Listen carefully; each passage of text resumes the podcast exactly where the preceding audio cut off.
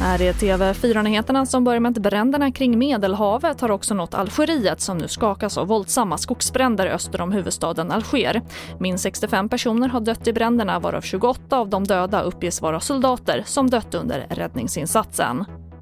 Och här hemma har minst 82 personer smittats av covid-19 i samband med en tantrafestival på en kursgård i Värmland, det rapporterar P4 Värmland.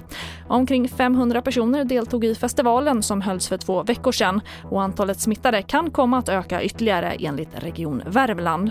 Och tio av de smittade hade fått en dos vaccin, resten av de smittade var ovaccinerade.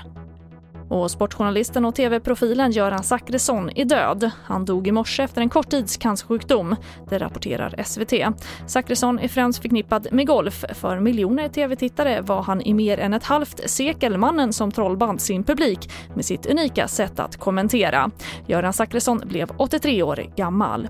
Och det var det senaste med TV4 Nyheterna. Jag heter Charlotte Hemgren.